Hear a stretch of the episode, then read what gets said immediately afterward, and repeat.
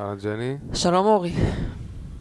תחריק את המיקרופון, אנחנו בפרק מספר 60, והיום יום ראשון. אנחנו בחגיגות ה-60 למעשה. מה, מה זה 60? 60 זה ה-30 החדש? מה, איך אומרים? אה, 60 זה היום כבר צעיר, היום זה מבוגר בגלל שאנחנו מאבדים את כל הבני 80 פלוס לקורונה. לא, תקשיב, יש שני דברים מעניינים לגבי ה-60, אם כבר, במספרים עסקינן.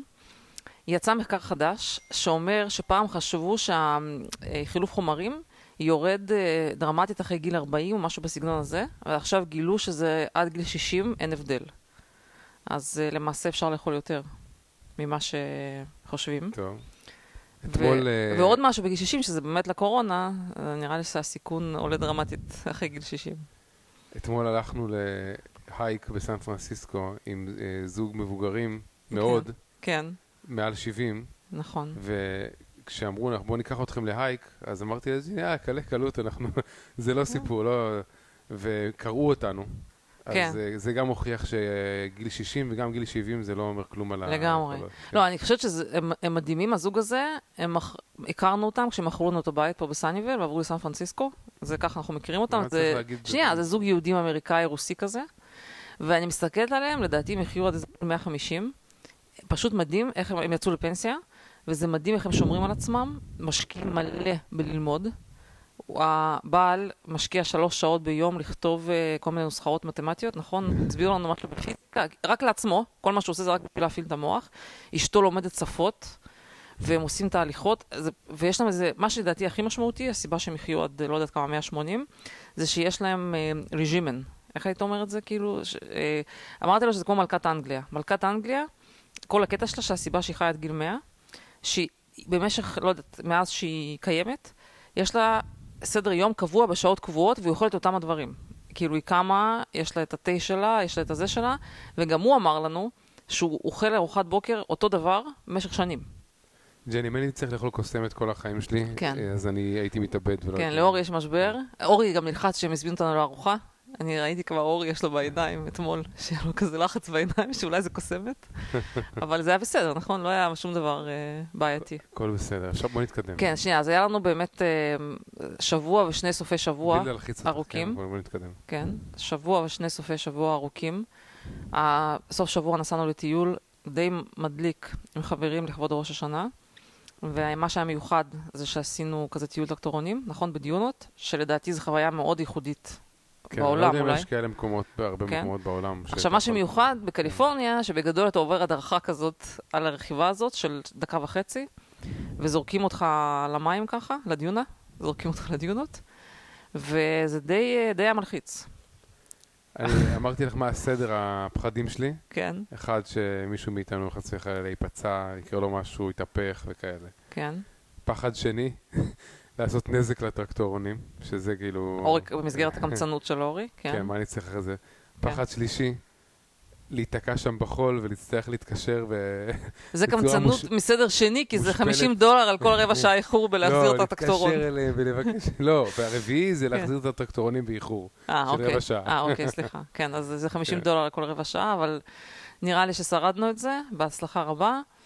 אה, והיה לנו כמה חגיגות ראש השנה. בקיצור, יש לי כמה דברים עוד לדבר על זה, על מה שהיה בטיול, טיפה יותר לענייני פוליטיקה בהמשך. והיום הייתי בעוד טיול בסן פרנסיסקו, שעלה לאורי ביוקר, והוא עדיין סופר לי את הכסף. כאילו זה היה מסעדה, היינו בטיול של... ג'ני, זה שנייה. לא נראה לי מעניין. רגע, רגע, שנייה. אני כן רוצה לספר על מצב העיר. הלכתי לסן פרנסיסקו, בין היתר לבחון מה מצב העיר, אוקיי? באזור הדאונטאון, באזור היותר uh, בעייתי. טוב. אז ההבחנה שלי זה שמלא מקומות סגורים. Uh, האירוע שהייתי בו זה אירוע שאנשים שם הגיעו חצי ערומים, ריקודים כאלה בחוץ, אבל זה ממש כל המוזרים של סן פרנסיסקו במקום אחד. וממש הגעתי, ראיתי את זה, הגעתי עם כמה חברות, קיבלתי חום, אמרתי, ואבוי, איך אכלתי אותה, עכשיו אני תקועה פה כי הטרמפ בא לרקוד. בקיצור, הצלחתי לברוח משם. אה, שנייה, אורי, הסתובבתי בעיר. אגיד לך. מה שאני מרגישה... אני מסמן לך שזה משעמם. אוקיי, בסדר, אני. צריך להגיד מה אני מרגישה לגבי העיר. נו. הרגשתי שהאווירה בעיר לא נעימה, המקומות סגורים, לא יודעת, רציתי לברוח משם, אבל אה, לסיום היה סיום טוב, היינו במסעדה ממש שווה, והסיכום שלי של המסעדה הזאת שאכלנו את כל המסעדה, והמסעדה אכלה לנו את כל החסכונות. טוב. אבל אני אוקיי, מזמינה אותך, אורי. למסעדה הזאת שוב. איזה- ואורי כל שנייה שלח לי הודעות, נו, מתי את חוזרת? נו, איפה לא? נכון, נו, זה זה. לא נכון, אוקיי. טוב, לא חשוב, אני, מתקד... אני אתקדם מראש, אני אתקדם מהטיולים בסן פרנסיסקו. רציתי להגיד שבפרק הקודם שוב היה לי סקופ, התברר. זוכר שהיה לי את הסקופ ה Regeneron, שעד עכשיו יש לנו מאזינים שהם בהלם מזה שהיינו עם הסקופ הזה. אז הסקופ הקודם שהיה לי על ראש עיריית מיאמי, שאמרתי שאני חושבת שהוא אחד הפוליטיקאים הכי מבטיחים והכי מעניינים. אה, משום מה, אחרי זה אנשים שאמרו לו על הפרק, אמרו הקובאני. או עכשיו השם שלו, אנשים לא זוכרים את השם, אבל זוכרים אותו בתור הקובאני, אז נקרא לו הקובאני. לא. אז מישהו כותב, אז מיד אחרי שדיברתי על זה, כמה ימים אחרי זה, יצאה כתבה, מיאמי mayor on possible White House bid, I think people are thirsting for a next generation candidate. כאילו מה שאמרתי, שמה שמעניין בו זה שהוא כזה נורא טכנולוגי ומתקדם, ולא מהדור הזה של בני 70-80 שכבר הזויים לחלוטין. לצורך העניין גם טראמפ וביידן לבטח ובכלל לא מתפקד. אז אה, אנשים כבר רוצים שיבוא מישהו שיותר צעיר, ונראה לי שברגע שיבוא מי- מישהו יותר צעיר, לא משנה אם הוא משמאל או מימין, זה יהיה בפשוט דור אחר. אחת הסיבות שאנחנו תקועים בכל הבעיות שאנחנו תקועים בהן, זה שפשוט הם נורא זקנים. ג'ני, כל מי שכרגע זה בהנהגה לא הוא נורא קשור, זקן. גם יש מלא צעירים במפלגה הדמוקרטית שחלילה וחס שהתקרבו לבית הלבן. אה, זה נכון. זה אני מסכימה איתך. אני מסכימה. אבל לדעתי הוא רפובליקני צעיר, סטייל הסוארז הזה, לדעתי זה יהיה פשוט עידן חדש בארצות הברית. טוב. אז מסתבר שלא רק אני חשבתי, אז הוא... אה, יש כאלה. שמדברים עליו. אמ, אה, רציתי להגיד שהיינו בנקודה הכי גבוהה בסן פרנסיסקו, שאף אחד לא מכיר אותה, מסתבר, אה, אה, כן. לא שמענו עליה, זה הר שקוראים לו Mount Davidson, ומסתבר גם באמת שלמעלה יש אה, איזושהי נק- את הנקודה הכי גבוהה, וסיפרו לנו שטראמפ ניסה לשים שם דגל. לא, לא טראמפ עצמו, עשה כאילו סוג ה- של executive order כזה. כן, הוא רצה לשים דגל שם, כאילו, אני לא יודע מי עשה מי רצה. כן. ו- לא, לא דגל, הוא ניסה, הם רצו לשים בכל המקומות הגבוהים בערים, כן, כזה תורן, כדי שתוכל לשים שם דגל לפי כן. כל מיני אירועים, וימי אזכרה, וימי זיכרון וכאלה. והגיעו אנשים והרסו את זה. מרוב פשוט. פטריוטיות. הם, כן. אה, עכשיו, זה, עכשיו, מה שאמרתי לאיש הזה, שלחנו אותו, שהוא בן אדם מאוד חכם, והוא חי הרבה שנים בארצות הברית, והוא קרא הרבה, והוא מבין את כל הפוליטיקה והכל, אמרתי לו שהסיבה שאני, אחת הסיבות שאני מתנגדת לדמוקרטיה בצורה כל כך נחרצת, שהם עסוקים בהרס. הקטע הזה שמישהו מגיע, ולא משנה מה כרגע הסיבות שלו, יש לו איזו אידיאולוגיה, לא יודעת מה, זה שהוא הורס דברים, זה שהוא רוצה כאילו לחרב מוסדות, הוא רוצה, כמו שהיה להם את כל הרייטס האלה שהם שרפו עסקים, כל הקונספט הזה, אני לא רואה איך אתה יכול לתרום משהו לחברה באמצעות הרס. כי uh, by definition... והוא הסביר, לא- שאלתי אותו, אמרתי לו, אמרתי לו למה, הם, למה הם הורסים דברים? למה הם פשוט, הם, אתם לא מרוצים ממשהו? תבנו משהו מתחרה. תבנו משהו חדש. למה להרוס דברים קיימים? טוב, by definition, כן, פרוגרסיביזם, כן. זה אתה חייב להרוס משהו כדי להתקדם, בסדר? למה? למה אתה לא יכול פשוט לבנות משהו אחר? שנייה, אני רוצה להקריא לך טוויט מעניין בנושא הזה. אוקיי, אה, מישהו שהגיב ל-Libertarian Party of Texas. של Libertarian Party of Texas כתבו, טוויט, Conservatism שווה Progressivism driving the speed limit, אוקיי? אוקיי. שזה הטוויט של הליברטריאנים שהם כאילו אה, צוחקים על הקונסרבטיבים, כן? אוקיי, ומישהו בשם מייקל נולס, מכירה? שמעת? כן. אז הוא כתב, הוא קנדי אגב. אז הוא כתב על ליברטריאניזם בתור תגובה לדבר הזה. A utopian ideology based on a false anthropology that inevitably accelerates rather than impedes the advance of progr- progressivism by undermining the order, structures and traditions on which free societies rely. אז הם אומרים, הוא אומר בגדול, בעברית, הליברטריאניזם בעצם הוא זה שגורם, הוא מעודד את הפרוגרסיביזם בזה שהוא חותר להריסה של היסודות הקונסרבטיביים. אני לא יודעת אם זה מה שליברטריאניזם לא, עושה. זה, מה- הוא מחזיר אני, להם, תשמע, זה- אני... כן, הבנת, הוא מחזיר הבנתי. להם על מה שהם אמרו. אני, בגדול, הבעיה שלי, ששמתי לב גם אצל הצעירים, הרבה פעמים הם מנסים to label כל דבר. יש להם איזה קטע, כן, אני ליברטריאני, אני סוציאליסט, אני קומוניסט, והקטע הזה שאתה מנסה כאילו להיות באיזשהו לייבל, מחייב אותך גם לתמוך ברעיונות שהרבה פעמים מפגרים. למה אתה צריך להתחייב להיות באיזשהו לייבל? פשוט, אה, לא יודעת, תראה מה שהגיוני לך באותו רגע. אה, הרבה פעמים, נגיד, יש דיונים בפייסבוק שאני חושבת שאנשים פשוט תופסים צד, רק את הצד של הלייבל שלהם, וזה לפעמים יכול להיות קצת מפגר לגמרי, אבל מתעקשים. אה, טוב, אני רוצה להגיד רגע אזהרת השקעות בעקבות הפרק הקודם, וזה חשוב לי רגע, אה, אז אנחנו הרבה פעמים כשאנחנו מדברים על קריפטו, על איזשהו מטבע, זה קורה בדיליי, גם הרבה אחרי שקנינו, או לא יודע, כמה שבועות אחרי שקנינו, וגם זה יכול באותו רגע לעלות, לרדת והכל. אז בבקשה, לא, לא לרוץ בלי... אל תבדקו אותנו, כן? אל תלכו, פשוט תקנו על עיוור, ואז פתאום זה יורד, פתאום עולה. אני לא רוצה להחזיק בזה את האחריות. אנחנו לא מומחים כלכלנים, כן. ואנחנו לא אפידמיולוגים, שני דברים. נכון, בדיוק. אבל, אבל אז, אז תבדקו, תסתכלו על הגרף, אם זה עלה, ירד וכולי. בכל מקרה, כעצת קריפטו הייתי אומרת, פשוט קניתם משהו, תשכחו טוב, מזה לכמה בסדר. שנים ותבדקו את זה אחר כך. לא. אבל בהקשר הזה אני רוצה לשאול אותך, יש לי שאלה. מה לדעתך, לפי אילון מאסק, המטבע הכי מומלץ? זה עושה טוויט. יש פה, אבל טוב, זה מתוחכם. אני אנחש רגע. זה טוויט מתוחכם. רגע, זה מהמטבעות המפורסמים או שהוא המציא משהו חדש? אוי, מה לעשות? תחשוב, מה אילון מאסק יכול לכתוב? הוא מה, מתוחכם. NFT? איזשהו- איזשהו NFT? אני אקריא לך את הטוויט, לא, זה, זה סתם, זה, זה, לא, זה לא מה שאתה חושב. אז הטוויט שלו אומר ככה, um, time is the ultimate, car- ultimate currency. עכשיו, משהו, ואז אנשים התכתבו איתו על זה, מה המחיר כרגע, אבל מה... מה המחיר של טיים? כן, אל תכנו טיים. לא, אבל הוא אמר שמבחינתו זה מה שהוא, תופ... לפחות על הזמן של עצמו, על ברור. עצמו, כל בן אדם שיש לו אין סוף כסף, רק חסר לו זמן. כן. וגם בגלל שיש לו באמת מטרות ויעדים שהוא רוצה להשיג. לצורך העניין, הוא רוצה להגיע, לבנות קולוניה על מאדים, אוקיי? או לא יודעת מה, או להפיץ את המכוניות אה, חשמליות בכל העולם. אז הוא מבין שזה עניין של זמן, הוא חייב מספיק זמן בשביל זה. אז זה מה שמדאיג אותו. בסדר. זה- אז, אה, אז אה, אני מקווה שהרעיון הבא שלו לא יהיה, טוב, הגיע הזמן לעשות משהו, צריך אה, להגדיל את זה, אתה יודע, להתחיל לעשות איזה סטארט-אפ, ב- לנסות שיוציא ל- לרווח את הזמן. טיים משין. אבל לא. טיים משין במושג או המונח הידוע. טיים משין זה מכונה שמייצרת זמן. לא, אבל השאלה כן, השאלה היא מה אנחנו נעשה בלעדיו, אני לא יודעת, באמת אילון מאסק, כאילו בלעדיו יהיה יהיה אוי קשה די בעולם. ג'ני, אתה ממש יש לך בעיה. אתה רצית אבל... בסוף יגלו שהוא הטריד מינית ואת אה, תתחילי ואת תתנצלי על כל ה... על הפ... איך קוראים לזה? אה, ההערצה של... אה, רצה לא, אורי, אם היה משהו כבר מגלים מזמן, לא נראה לי. בסדר. נראה לי שהוא הצליח לצאת מזה. יש לך בהזדמנות זאת, אתה רוצה להגיד משהו על מכוניות חשמליות ואילון מאסק, נכון? יש לך איזה אה, אייטם. כן, אה, דיברנו על זה שראינו, יש איזשהו חלק מהחוק של האינפרסטרקצ'ר נדמה לי, הם רוצים לעשות אה, סובסידיות. ומישהו קרא את החוק הזה, אה, אני ראיתי איזשהו טוויט עם סקרינשוט מהחוק, שבו כתוב שיש איזו סובסידיה של 4,500 דולר, שהיא לא קטנה בכלל, שהממשלה תיתן ליצרני מכוניות אה, EV, חשמליות. אה, ואחת ההערות, אחד הקריטריונים, זה שהיצרנית צריכה שלא, צריכה שהעובדים שלה יהיו מאוגדים על ידי יוניון. זאת אומרת, כדי שהמכונית תהיה זולה ב-4,500 דולר, היא לא יכולה להיות טסלה, כי העובדים של טסלה הם לא ביוניון.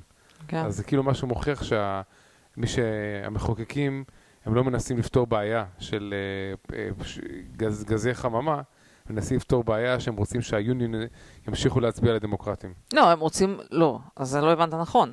הבעיה היא כזאת, לדמוקרטים יש שחיתות, התורמים הראשיים שלהם זה ה-unions.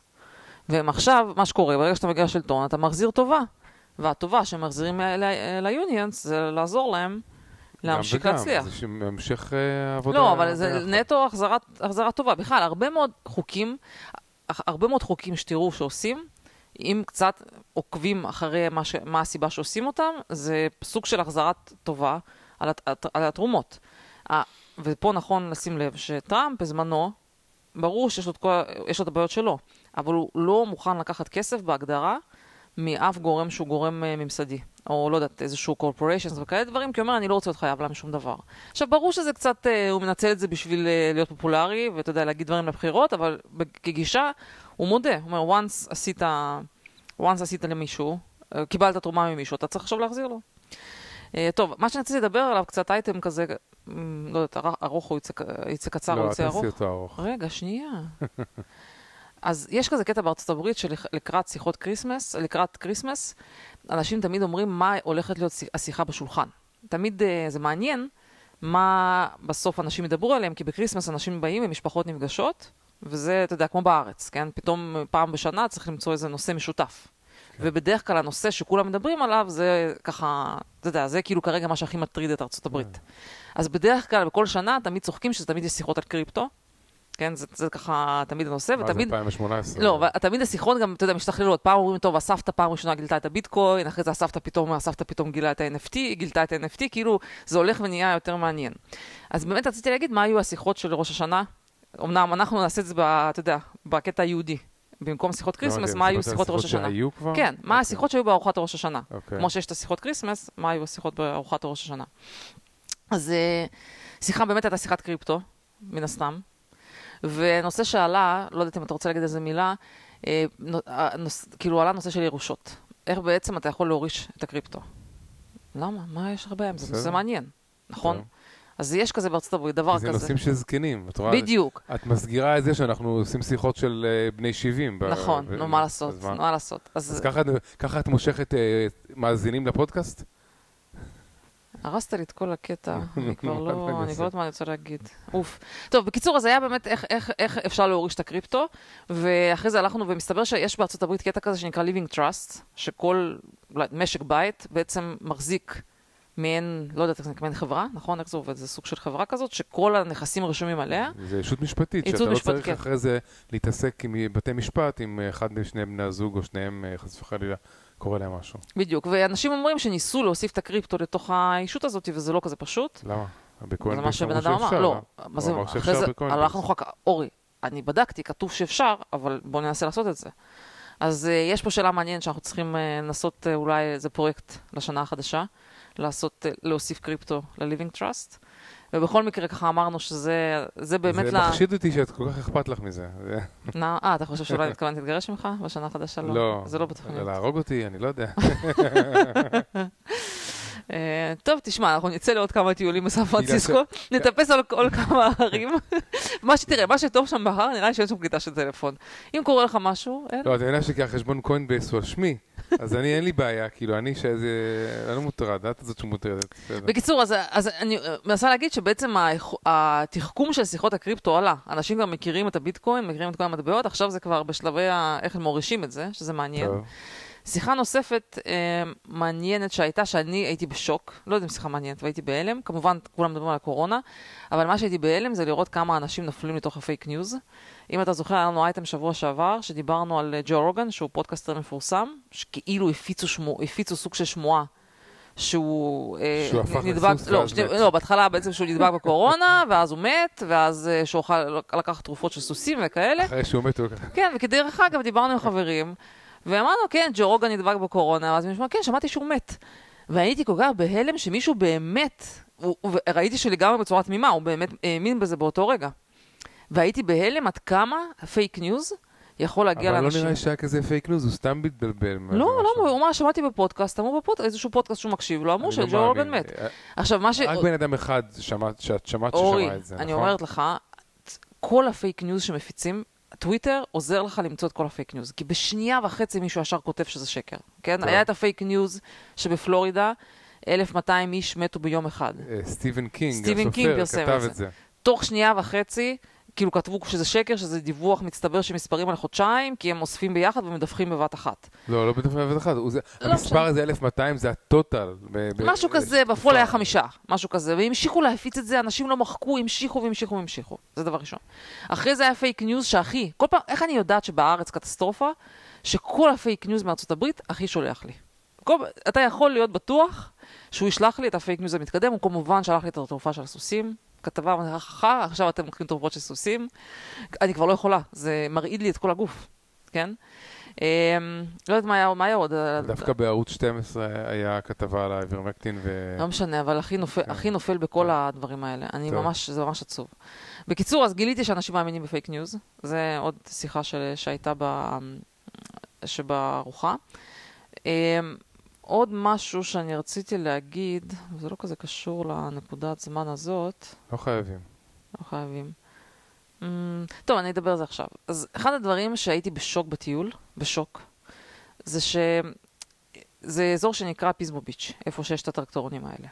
עכשיו, אנחנו הולכים על הרחוב, אני רואה חנות דגלים. עכשיו, יש שם קטע כזה שכל uh, טרקטורון uh, שם דגל.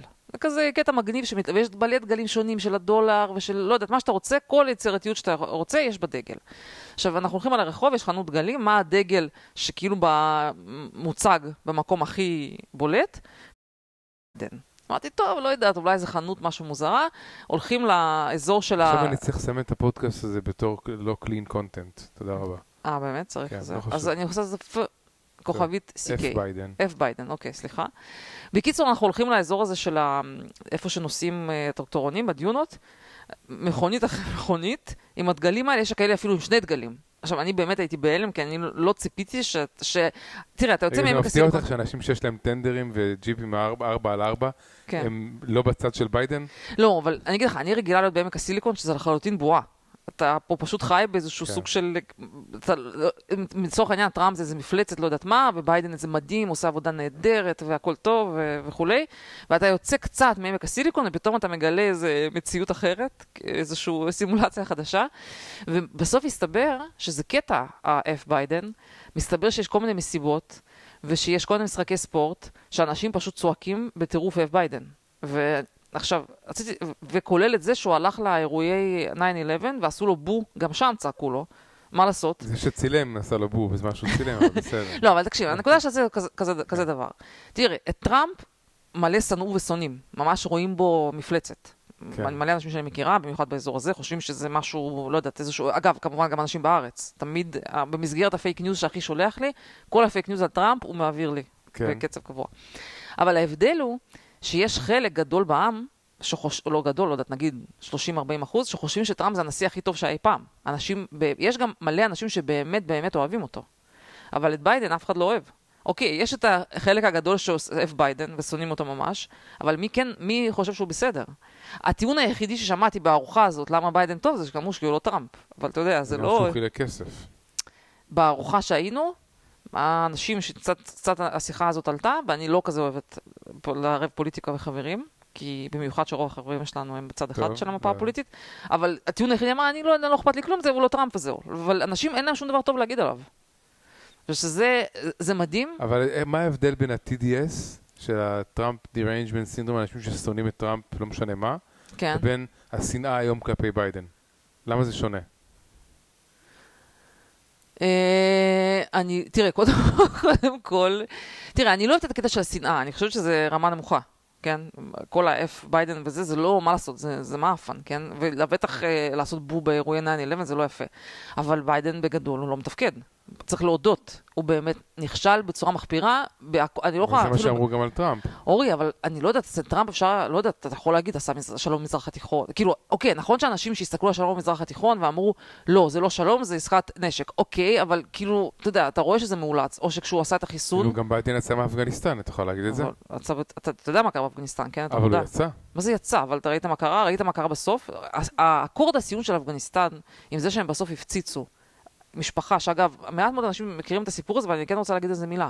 מה שקרה בסוף, שהם, היה להם את הפיגוע הזה שנהרגו 13 חיילים, ובשביל כאילו להראות שהחזירו לה, החזירו למחבלים, המציאו איזה ארגון שנקרא ISIS-K, שאף אחד לא, לא, שמע, פתאום אמרו קיים. ISIS-K, והודיעו הם לא. שבעקבות מודיעין אה, מדויק, נפגעו האלה, הם אמרו שהם התנגשו בפלנרס, בפלנרס. אבל כן. גם לא יכולים להגיד את השמות שלהם. בדיוק, ואז אנשים כבר הרגישו שזה, BS, ואמרו, מי זה הפלנרס? תגידו את השמות שלהם. הם הולכים לבית ספר אחר. הם החברה שלי, החברה שלי בקנדה, כן. אז אמרו להם, תקשיבו, זה נשמע כאילו לא רציני, בואו תנו פרטים. ומראש ה-ISIS-K הזה נשמע חשוד לאנשים שמישהו המציא ארגון חדש. ואז עבר הזמן, והיה כמובן תחקיר מזעזע, שהרגו מישהו שהוא היה סוג של עוזר, כזה עובד, אה, מישהו שאפילו מועמד לוויזה בארצות הברית או משהו כזה, כאילו עובד סיוע לאמריקאים, עם כל המשפחה שלו, זה מלא ילדים שם. פשוט, פשוט מזעזע. עכשיו, פרסמו על זה, אבל בוא נגיד שאם זה היה טראמפ, אורי, זה היה עכשיו משפטי, לא יודעת מה עושים לו, אה, משפט, אה, משפטי האג, לא יודעת איפה עושים משפט על פשע, על פשע. מה זאת אומרת? התרגלו- כבר, פעם שלישית גלידה. שמה? היו עושים לו impeachment. היו עושים לו impeachment, כן. כאילו, כן. בגדול, אם טראמפ היה עושה את מה שביידן עושה, היה impeachment כל יום. ברמה הזאת. הדבר הזה, דיווחו על זה קצת והכל. אבל תקשיב, אז אני אומרת ככה, הוא, אתה שואל אותי מה ההבדל בין טראמפ לביידן, ביידן באמת נכשל. עכשיו, אחד הדברים שאנשים לא, גם לא מודעים אליו לרמת הכישלון, זה הסיפור הזה עם הקורונה. דיברתי על זה פעם שעברה, שאנשים מתעלמים מהדאטה, יש איזה כאילו קטע של נרטיב שהוא איכשהו מצליח בקורונה, אבל עכשיו ראיתי אנשים פרסמו מספרים, אמרו שבתקופה של טראמפ, שלא היה חיסון, 2020, היה משהו כמו 300... אה, 33, לא יודע, 33 אלף מתים בחודש, הגיוני לא, לא יודע. זה הגיוני. כאילו, אצל, אצל ביידן, ממש כמעט אותו מספר מתים בחודש, כשיש חיסון. איך אתה יכול לטעון, גם בקורונה, שזה כאילו היה הסיפור שלו, הוא בסוף נכשל ברמה כזאת שעם החיסון הוא עדיין במספר, באותו מספר מתים. אה, אז לשאלתך, זאת התשובה. התשובה שלי, כן, שהיא לא כזו תשובה בדיוק לשאלה, אבל רק העובדה שביידן לא מסוגל לעמוד ולענות לשאלות, כאילו בהשוואה לטראמפ, זה חד משמעית משהו לא בסדר. משהו לא בסדר. זה לא יכול להיות שהוא רק מגיע, מקריא ובורח כל פעם. הוא לא בסדר, פשוט לא בסדר. אה, אגב, היה לי גם ויכוח עם אחי, אומר לי, מה, טראמפ, טראמפ אז, אז, אז אחרי שאני אומרת את כל הדברים, אנשים אומרים לי, טוב, השניהם היו גרועים, כן? יש איזה קטע כזה שמוכנים להתפשר איתי על השניהם גרועים. אבל אמרתי לו, תקשיב, טראמפ עשה באמת, אתה יכול להגיד, אני לא אוהב את הסגנון שלו והכל, אבל הסיפור הזה, הוא עשה כמה דברים שהם דברים שהם לדורות. למשל, הסיפור של חיל החלל, כמה שאנשים חושבים וצוחקים על זה, אבל זה ממש לא צחוק. זה מול, בקטע של ביטחון עתידי, מול סין ומכל מיני מדינות כאלה, זה אחד הדברים הכי חשובים. כל העולם בישראל. היה את דני דנון, שר המדע והחלל. לא, אה, אורי, זה לא, נו, נו, אוקיי, אבל תקשיב, אנשים לא מבינים לדעתי כמה זה חשוב. כל הסיפור של לוויינים זה, זה פשוט העתיד. בלי זה, לדעתי, אי אפשר, אתה לא יכול להיות מעצמה. צריך להרים טלפון לאילון מאסק פשוט, זה הכל. זה לא... כן, אתה שנצטרך אותו. טוב, בקיצור, אז כל כל התופעה הזאת, החלל הזה זה מישהו שמרים טלפון לאילון מאסק. כל התופעה הזאת של F ביידן היא מבחינתי. קצת הזויה לגמרי. כן, אבל אני לא... מעניין לראות את זה, וזה מלבב מבחינתי. באמת? לא, זה, זה רמה נמוכה, זה לא, זה חסר קלאס, אבל זה מה שאנשים מרגישים, עד כדי כך. טוב, כן. אה, מה שרציתי להגיד לך עוד משהו, אתנחתה קצרה, ואז נעבור לזה אייטם מעניין. אה, לא, כאילו את שולטת ב... אה, אוקיי, בבקשה. לא יודע, גם- יש לי גם דברים. לא, רציתי לעשות לך איזשהו אה, פינה חדשה, פינת מספרים. טוב, אנחנו נגיע לזה. כן, אז בעיה. זה סתם, זה לא, זה סתם שטויות שהמצאתי. אז אני. הולך להגיד מספר, ואתה צריך להגיד לי על מה המספר הזה, אוקיי. אוקיי? אז uh, המספר הראשון נורא פשוט, כן? 5,782, זה שנה עברית. יפה. Uh, 83,333, זה במקרה אתה יודע. אבל זה- שאנשים לרגע, שנייה, אנחנו נעצור, שנייה, דקה תחשבו, 83,333, וזה קשה. כן? זה אם אתה מחלק מיליון דולר ל-12. כן. עכשיו, מה שמעניין זה שהרבה סטארט-אפים, אה, יש להם איזה יעד להגיע ל-ARR, ל-annual recurring revenue, של מיליון דולר, נגיד אם אתה מבוסס על subscription. אז בעולם הסטארט-אפים, אה, אם אתה מגיע ל-revenue, אז זה בעצם אומר שה-revenue החודשי שלך זה 83,333, וכל הסטארט-אפיסטים הרציניים מכירים את המספר. אז. אה, אם אתם רוצים סטארט-אפיסטים רציניים, אז תכירו. טוב, שאלה שנייה, שאלה שלישית, מה זה 299? זה קשור כאילו לחדשות של השבוע האחרון. אה, תני לי רמז, איזה תחום? אה, מישהו שעבדת בשבילו פעם. אה, זה המחיר של ה- של המשקפיים של פייסבוק ורייבן. נכון. רוצה להגיד איזה משהו? על ה... אה, לא יודע אם הרבה, כי מה שהם עושים זה כאילו יש להם את ה... בגדול משקפיים שמצלמות ואתה יכול להפעיל אותם עם שמצלם וידאו. איך שאני רואה את זה, זה חוסך לך להוציא מהכיס את הטלפון, או אם במקרה אתה גולש על גלשן אוויר כזה מעל, שהוא כזה 30 סנטימטר מעל הים, ואתה עם דגל ואתה רוצה לצלם גם, אז אתה יכול אה, למצמץ והמשקפיים אה, יצלמו. שזה מיועד לבן אדם ספציפי. כן. וש... כן, נראה לי כאילו יש פה אה, זקרברג, חשב, וואי, זה יכול להיות מגניב, יאללה, בוא נעשה את זה. אה, אני אגיד לך מה, אני חושבת שהקהל יעד של המוצר הזה במדויק זה אני ואתה ביחד. עכשיו אני אסביר לך למה. אני, יש לי מחלה שאני כל דבר מצלמת ושמה בסטוריז. ויש לנו כל הזמן מריבות, אורי משתגע שאני כל הזמן בטלפון ותוקעת אם אותו אני בכל הולך מקום. איתך ברחוב, אני- אין לי זמן לעצור כל כן, שנייה. והוא משתגע וזה. עכשיו, תאורטית, אני כאילו יכולה ללכת עם המשקפיים וכל פעם לעשות סטוריז. מה הקשר הזה אומר שלא תעצרי באמצע ההליכה ותנסי לתפוס את השוט ה... כן, השלם? אבל יש בזה, אבל יש בזה, זה פחות awkward, כן? זה, זה פחות, נגיד אני יושבת עם אנשים, סליחה, זה לא... תעצרי ותסתכלי. אורי כבר מדמיין אותי לא- נתקעת בכל מיני קירות ודברים כאלה. לא, אבל באמת, אני חושבת שיש פה, או נגיד אתה יושב עם מישהו בשולחן ואתה רוצה לצלם, אז במחשבה הראשונה זה נראה לי משהו שמשפר את החוויה. ואולי משם זה הגיע, הם הרגישו שהקטע של stories והכל זה יזרום בצורה יותר טבעית, שאתה פשוט מצלם וזה ישר הולך ל stories. מכיוון ש- מפייסבוק. אבל אני חושבת שמצד שני זה הזיה שאני אשב עם מישהו ואני כל פעם מצלם אותו, זה גם לא נעים, כן? אז לא יודעת. אני, בקיצור, נראה לי אני. קהל היעד של זה, ולא לא, השתכנעתי לקנות את- זה בינתיים. אה, נראה לי, ואגב, זה מחיר מסובסד כאילו ממש. כן, ברור שזה לא זה. מי שרוצה לעקוב אחריה ב stories באינסטגרם, לא. תעקבו. זה נראה... תוכלו לראות את כל הכסף שבזבזתי, על מה בזבזתי היום במסעדה בסן פרנסיסקו. אני מתכוון לבד לדלג. כן. אורי אה, מזועזע בכל מקרה זה חלק מהחזון המטאוורס הזה, לדעתי, שהם רוצים שאנשים יעבדו במקומות כאילו לא ברימוט, אבל ירגישו בזה. אז ה- לשים מצלמה על המשקפיים, לדעתי זה חלק מה... כן. אה, זה חלק היה מה- כבר מלא ניסיונות. אה, עוד ניסיון כושל. בסדר. בוא אה, נגיד, זה לא מה שיגרום לי להשקיע עוד אה, כסף במניות של פייסבוק, ג'ני. אבל זה גם לא יגרום לך למכור, נכון? שישתעשע בשעשועים אה, שלו. לא יודע. כן. טוב, אז עוד מספר אחרון בסדרה הזאת של שאלות, מס, מה המספר? 38. אני אתן לך רמז, אחוז. אה, מחוסנים? לא, אז אה, סתם, זה היה, עכשיו היה סקר של יוגוב, אמריקה, שזה כאילו היה שפל בתמיכה בביידן, ב-approval rating שלו. אז זה המספר הכי נמוך שהוא אי פעם. לדעתי מאז זה טיפה התחיל לטפס, אבל כאילו, אנשים... וכמה אחוז דמוקרטים הם שאלו? 80 אחוז? לא, אבל אני חושבת שעל על, מה- על, על מה זה קרה? למה בעצם הוא הידרדר כל כך ברייטינג? אה, אפגניסטן היה עוד משהו, לא יודעת מה, מאיזה סיבה הוא מדרדר, אבל אנשים לא מרוצים. אני חושבת שבעיקר ממצב הכלכלה, אה, שוב היה חדשות מאוד מאוד לא טובות בנושא של אינ- האינפלציה, היה עכשיו באוגוסט ה-producer price, אה, אמרו משהו 8.3 אחוז, משהו באמת עלייה הכי גדולה מ-2010, באמת גרוע. והיה להם עכשיו גם קטע שכולם צחקו עליו, שלא יודע, איזשהו אקונומיק אדוויזר שלו אמר, בגדול, אם אנחנו מורידים את מחיר העופות, הבשרים, הביצים והזה, אז האינפלציה בסך הכל בסדר. אין, אין בעיה אתה יכול באינפלציה. להשאיר רק את המוצרים בפיקוח כן. במדד של האינפלציה. אז אנשים אמרו שזה בדיוק ככה היה בארגנטינה, אם נוריד את זה ונוריד את זה ונוריד את זה, ואם נאכל רק לחם ו- ולא יודעת מה, אז בסך הכל המצב טוב. רציתי לדבר על זה שאתמול אנחנו הצבענו, פעם ראשונה באמריקה הצבענו, Mm, נכון. בסדר? ורציתי לדבר על כל הבעיות בהצבעה, שמתחילות מהעובדה שקיבלנו את, ה... את בעלות בדואר, כרגיל, כמו אף אחד לא מבקש וכולם מקבלים, וצריך לשמור עליו שלא יגנבו אותו, כי אם יגנבו, לך תדעי מי- מה ישתמשו בו. על ידי שהגענו לה... להצביע באיזשהו בית ספר, ושם לא ביקשו תעודות זהות, לא ביקשו ממך שום, רק צריך להגיד את השם שלך והכתובת. ו... כן, יש איזה קטע שאתה חותם, שאתה מתחייב שאתה זה אתה, אבל לא, אוקיי. אתה חותם בסוף. לא, יש- אתה כן, חותם על אייפד כזה שאתה זה אתה, שאתה מצהיר שאתה זה אתה. כן. אוקיי.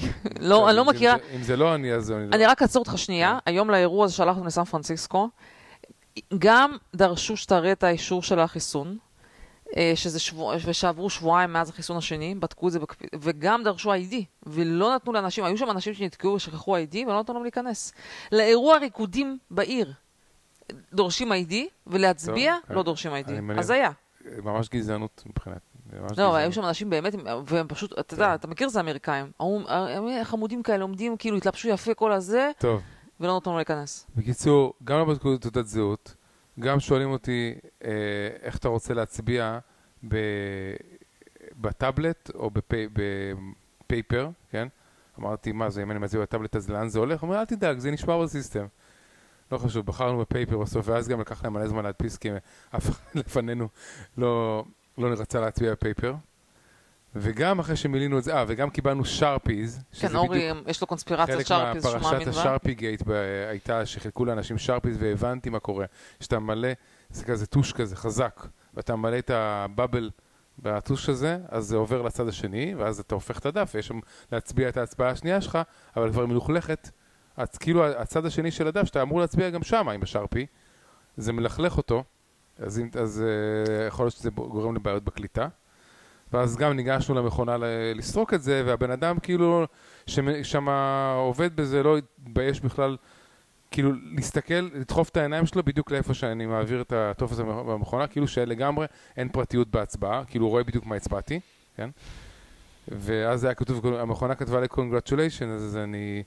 כן, אבל זה קשה, קשה לדעת אם... אה, קשה לדעת אם אה, כן, זה משהו כבר ש- יש כל מיני דיווחים על זה שאנשים הגיעו להצביע ואמרו להם שהם כבר הצביעו, וכאלה דברים, כאילו, כן. בקיצור עוד פעם, ממש- ממשיכים כל הטריקים. כן, מה שעצבן. אני חושבת שאני רוצה גם להגיד משהו בהקשר הזה של הבחירות. אז אני, אני אעדכן מה הצבעתי בסוף. כמובן, אני בעד לפטר את המושל של קליפורניה, כי לדעתי הוא פשוט גרוע, הוא באמת, בנושאים הכי חשובים לא עושה כלום, לא בנושא של השרפות ולא פשע וכולי. אה, החלטתי בסוף להצביע לארי אלדר, שזה הרפובליקני. למרות ש... כולם שם רפובליקנים. לא, היה, אני מראש. התכוונתי להצביע ליוטיובר, שהוא דמוקרט. שהוא. בחור צעיר יותר, והוא היה נראה לי יותר מתאים הוא לא לקליפורניה. דמוקרט, ג'ני, הוא כתב די. הוא הציג את עצמו כדמוקרט. לא משנה, אבל הוא כזה יותר מעודכן, ויותר- פח- חשבתי שהוא יהיה פחות controversial ויותר יתאים לקליפורניה. אבל הסיבה שהצבעתי לארי אלדר היא הבאה. נמאס לי מהקטע הזה שהם לקחו בן אדם שחור. ומתעקשים לקרוא לו שהוא הפנים, הסיפור הזה שהוא כאילו אה, עליונות לבנה. כן? איכשהו, איכשהו מציגים אותו בתור איזה סוג של גזענות, משהו הזיה לגמרי. והשיא היה שהוא הלך לאיזשהו אירוע בווניס, שנייה, הוא הלך, ל- ת- ת- תקשיב מה היה, הוא הלך לאיזשהו אירוע בווניס, וניס. ו- וניס, שלח, ז- זרקו עליו, הגיעה איזה פסיכית, וניס ביץ'. וניס ביץ', הגיעה איזה, הגיעה איזה פסיכית כזאת, אה, בחורה לבנה מהסוג הזה של הקוקו, עם שיער ורוד כזה ואיזה מסכה הזויה. מסכה של גורילה, לא כן, משנה. זה- זרקה, שנייה, רגע, זרקה עליו ביצה, כאילו עשתה, התקיפה אותו. עכשיו, אם זה כמובן היה הביצה לא פגעה בו, אבל... לא משנה, ניסתה להתקיף אותו, וגם התנפלו על האנשים שהיו איתו בצורה אלימה, בצורה מאוד אלימה ומאוד לא נעימה. לא, אתה ראית את כל הדבר הזה? היה נראה כן. ממש אה, כזה כ- כעס ואלימות. ואם זה, קודם כל, אם זה היה הפוך, אם, אם הוא היה דמוקרט, אז היה חדשות ב-CNN בכל מקום, שהתנפלו עליו, ומישהי לבנה, מישהי כאילו לבנה תקפה מישהו שחור וזה וכולי, אבל אני שם את זה שנייה בצד. אבל הדבר הכי גרוע שהיה, זה מה הכותרת ש-LA Times עשו מכל ה incident הזה. הכותרת הייתה ככה, היה בו- אה, שלארי אלדר היה incident בווניס ביץ', כאילו לא הסבירו מה בדיוק היה, שהיה איזשהו incident, ומה שרואים בתמונה זה כאילו שלארי אלדר נותן סטירה לאיזושהי אישה. ככה התמונה יצאה. עכשיו, מה הם עשו? הם לקחו תמונה שהוא מחבק תומכת, והוא כאילו מחבק אותה כזה בפנים. ותפסו איזה זווית, שבזווית הזאת אפשר לחשוב שאולי הוא מרביץ לה. כן, משהו הזיה לגמרי, זה היה חלק מחיבוק. והכותרת זה שזה incident. כן, ואז מי שמסתכל על זה, אה, אתה יודע, זה בדיוק ש- שיטה של פייק ניוז, שהיא, שהיא הדבר הכי manipulation שיכול להיות. למה? אתה גורם לאנשים to imply משהו שבאותו רגע נראה להם. אם הם נגיד חושבים שלארי אלדר הוא איזה גזען, משוגע, מטורף, פסיכופת אה, רפובליקני, הם רואים תמונה שהיה אינסידנט ורואים אותו כאילו נוגע בסדר, נו. אז אנשים כן. חושבים שהוא האלים. אבל אי אפשר לבוא לתבוע אותם על זה, כי אתה יודע, כי מה שכתוב בכתבה כתוב האמת, שתקפו אותו. אבל רוב האנשים לא כותבים, את לא כותבים את הכתבה, רק קוראים את הכותרת, כן? אז אני כל כך התעצבנתי מזה שאמרתי זהו. אני נמאס לי מהשטויות האלה, אני מצביע לא. לא שזה משנה, כי אני יודעת שהם יפסידו בטוח, אבל אפילו שיקבל את הקול הנוסף הזה, מבחינתי זה שווה את זה. אז זה היה הצבעת מחאה, הצבעה שלי. טוב, להמשיך? מה זאת אומרת? לא, אתה, יש לך עוד משהו שאני יכולה... בטח אמרתי לך שיש לי דברים. בבקשה, יש לי גם. אה, אני רוצה לדבר דקה על הכלא, הבריחה מכלא גלבוע, לא כזה, אני לא רוצה לחדש שום דבר לאף אחד כאן, לא- מסוגל לחדש, אבל אני רוצה לה- להדגיש איזשהו אה, אספקט של האירוע הזה. והאספקט זה כאילו הנרטיב בחברה הישראלית, שיש שני נרטיבים, של השמאל ושל הימין, פחות או יותר, לגבי הנאמנות של ערביי ישראל. אז הנרטיב, שאני לא, לא, לא תומך כרגע בשום אף אחד מהם, אני מסביר לך את המצב. הנרטיב של הימין הישראלי זה שערביי ישראל, כאילו אזרחי ישראל, הם בוגדניים והם תומכי מחבלים, והנרטיב של השמאל בישראל זה ש- שערביי ישראל הם, אה, הם כמעט ברובם נאמנים. כן. אתה בטוח שזה הנרטיב של הימין, או שזה מה שהשמאל טוען שזה הנרטיב של הימין? לא, לא, זה הנרטיב. זה הנרטיב? בטח, אוקיי. ו- ואז מה שקרה זה שתפסו הרי חלק מהמחבלים, לא את כולם, אני חושב את הזוג- הראשון שהודח מהמרוץ. אה, אה, יש שני זוגות שכבר הודחו מהמרוץ. כן. אז הזוג הראשון שהודח, תפסו אותם כי משפחה בנצרת אה, הלשינה, כאילו קראה למשטרה אחרי שהם ביקשו אוכל או משהו כזה, כן? אה, עכשיו, אוקיי. ו... אז כאילו מה שקרה זה שמיד הנרטיב, השמאלנים קפצו, אתם רואים? המשטרה, המשפחה בנצרת, הערבים בנצרת הם דווקא, אה, הם, הם דווקא נאמנים לישראל, והנה הם אה, הסגירו את המחבלים. ועכשיו, קודם כל אתה לא יודע כמה משפחות בנצרת עזרו למחבלים האלה לפני שהם הגיעו למשפחה אחת שהלשינה עליהם, אבל לא משנה. ואז מה שקרה אחרי זה, מס- מסתבר גם שאותה משפחה שהלשינו עליהם, אז אה, התקיפו אותה, שרפו להם איזה משהו בבית, כאילו, כאילו הקהילה... לא, לא אהבה את זה, אז, מה אז שהם זה עשו. שירת את הנרטיב של הימין, שבעצם הקהילה הערבית-ישראלית לא באמת אהבה, וזה היה מקרה יוצא דופן. אני רק אומר, יש עוד שני הנרטיבים אבל האלה. ו- אני רק רוצה להגיד שהשיא מבחינתנו, שזה מבחינתי היה שיש לך קרוב- קרוב או קרובת משפחה, אני לא אציין, לא בשם ולא, ולא פרטים מזהים נוספים, אה, ש, שבצד, ה, בעצם תמכה, או תמך בצד של המחבלים, נכון? לא, הוא לא בדיוק. אתה יודע אני חושב שכאילו היא הדגישה את הסיפור שאם מישהו מבקש ממך אוכל, אז אה, צריך לעזור לו ולשלוח אותו לדרכו ולא להסגיר אותו. כן. אבל יש לנו שיחות, השיחות המשפחתיות שלנו מעניינות, אני- זה היה... אני חושב שהייתי צריך להגיב, לשאול לגבי, עכשיו זה 9-11, באמת כאילו... לא, אבל תקשיבי, צריך אה, לרחם על אה, אותם היא מסכנים שלי, לא. הטרוריסטים והמסכנים שנקלעו למ- למטוסים וגם נאלצו למות שם. וה- היא הוא אה, קיבל אה, לא מעט לייקים על הפוסט הזה. מה ש- זה מה שהפתיע אותי, זה כמות הלייקים שקיבל על הפוסט, וגם שאף אחד לא ענה שום דבר נגד. כי הם חיים בבועה, מה זאת אומרת? אבל לא יודעת, זה עדיין, אמרתי, לא יכול להיות שאין אף אחד בתוך הבועה הזאת שאמר, טוב, אולי זה לא כזה רעיון טוב לתמוך ב- לתמוך בצד של המחבלים. גם זה לא אה. יכול להיות תמיד שזה שאני זה שמגיב. נכון, לא, לא, אתה הצלחת להימנע מזה. טוב, מה שאני רציתי להגיד, משהו מעניין, סם אלט- אלט- אלטמן, שהוא, אני חושבת שהוא המנכ"ל של ביי קומבינטור, כתב סרט ארוך על Technology Prediction for the 2020s, כאילו לכל העשור קדימה. אה, קודם כל, אני- כבר יש לי הרגשה שהוא יגיד מחרטט, אבל אני כן אקריא פה איזה שניים שלושה טוויטים, בסדר? ואפשר לדבר ואפשר לא. אבל יש לך פואנטה. פואנטה זה שיש לו predictions, אפשר לדבר, אוקיי. מה אתה חושב על predictions האלה? predictions מעניינים. עכשיו, בן אדם שהוא הנשיא- המנכ"ל של Y Combinator, הוא נגיש לטכנולוגיה, הוא מבין אוקיי, לאן מה- הדברים הולכים. הלאה, מה הפואנטה? בבקשה, לא פואנטה, אני מקריאה קודם כל, קודם כל את ה content. The costs of intelligence and energy are going to be on a path towards near, near zero. We certainly won't get all the way there this decade, but by 2030, it will become clear that the AI revolution and renewable plus nuclear energy are going to get us there. בסדר? הוא אומר שבגדול, השינוי הגדול שהולך להיות זה, שהטכ... זה שהעלות של האנרגיה הולכת כן. להיות אפסית. This um, this won't be true for every kind of intelligence, blah, blah, blah. For some time now, intelligence and energy have been the fundamental limits towards most things we want. A future where these are not limiting, uh, rage, לא יודעת, משהו כזה, will be radically different and can be amazingly better. The constraints we have all grown used used to will no longer apply. We will be able to do stuff with bits and atoms and can barely imagine now. בקיצור, הסיפור שלו, הוא אומר שפשוט זה הולך לעשות, אה, ברגע שהטכנולוגיה הולכת לרדת, אה, אה, סליחה, ברגע שהאנרגיה הולכת לעלות אפס, זה הולך לעשות מהפכה ב-AI, כי AI צריכה, צריך כוח חישוב גדול, נכון? טוב. והוא צריך הרבה אנרגיה. ואז הוא אומר שהספציפית הטכנול... הירידה של העלויות האלה, הספציפית מה שהוא expect a big decade for longevity research, AR, VR, psychedelic medicine, crypt, cryptocurrency. אומר שזה כאילו התחומים שהולכים להיות התחומים הגדולים של העשור הקודם. אה, זה כאילו זה מעניין הסיפור הזה של ה energy חשבתי almost שהוא- zero. שהוא חושב שה... AI יעזור מטאברס. לתחום האנרגיה, לא. אה. אמרתי, זה נשמע לי בולשיט. כאילו לא.